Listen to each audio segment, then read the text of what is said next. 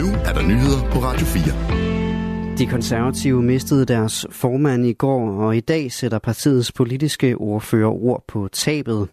Fra alle sider lyder det, at han var et vældigt og rart menneske, men også Pabes ledelsesstil ved de konservatives politiske ordfører Mette Abelgaard huske. Det fortæller hun til TV2.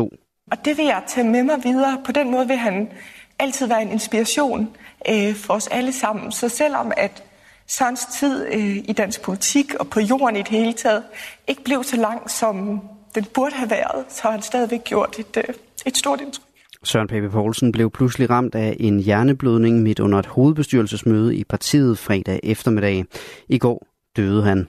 Og partiet er i chok, konstaterer Mette Abelgaard. De kommende dage skal derfor bruges på at samle medarbejdere, hovedbestyrelsesmedlemmer og folketingsgruppe. Jamen, vi har i dag øh, hidkaldt forskellige assistance, øh, som kan bistå øh, nogle af de mennesker, der, der var til stede, men også øh, det personale, som står tilbage i enorm sorg. De mennesker, der har arbejdet aller tættest øh, på Søren og mærket hans øh, betænksomhed i hverdagen. Og finansminister Nikolaj Vammen siger til TV2, at Søren Pape kommer til at efterlade et stort tomrum på Christiansborg. Særligt hæfter han sig ved de forhandlinger, de, de to, ved de forhandlinger, som de to politiske modstandere tidligere har siddet sammen i. Det har altid været en, øh, en fornøjelse at forhandle med, med Søren Pape.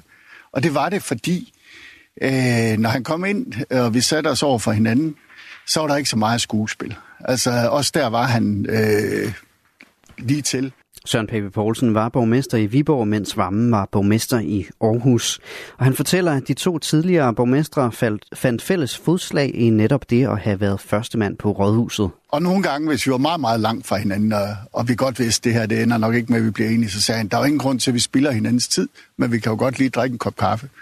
Øh, og andre gange, hvor vi vidste, at her skulle vi nok kunne møde hinanden, øh, så sagde han sådan med glemt i øjet, øh, skal vi gøre det på borgmestermåden? Og han havde jo været borgmester, og jeg havde været borgmester.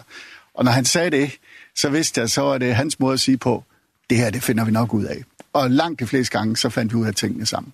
Det er Høje Tostrups borgmester Michael Siler, som bliver fungerende formand for de konservative.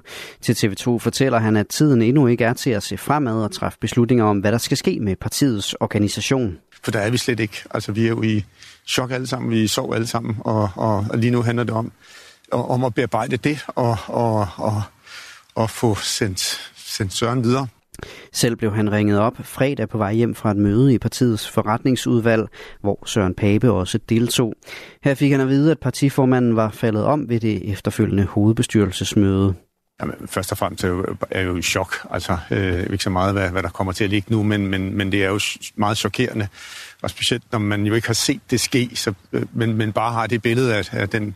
Mit sidste billede af Søren er jo den Søren, som vi, som vi kendte. Øh, så det er jo helt, øh, helt uvirkeligt, at, øh, at øh, man kan næsten ikke tro på, at det kan passe, at, at, at, at, at det er sket.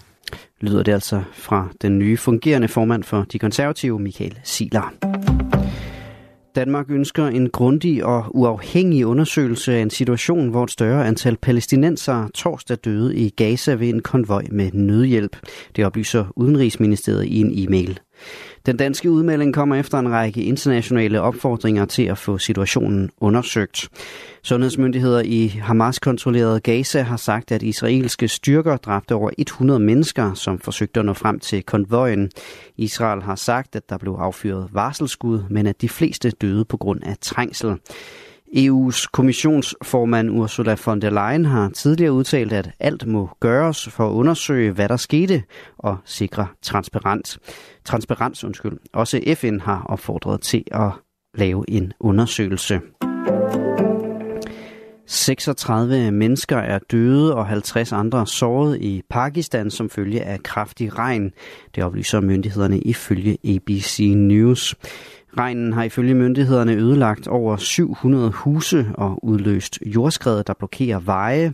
Særligt den nordvestlige del af landet er hårdt ramt.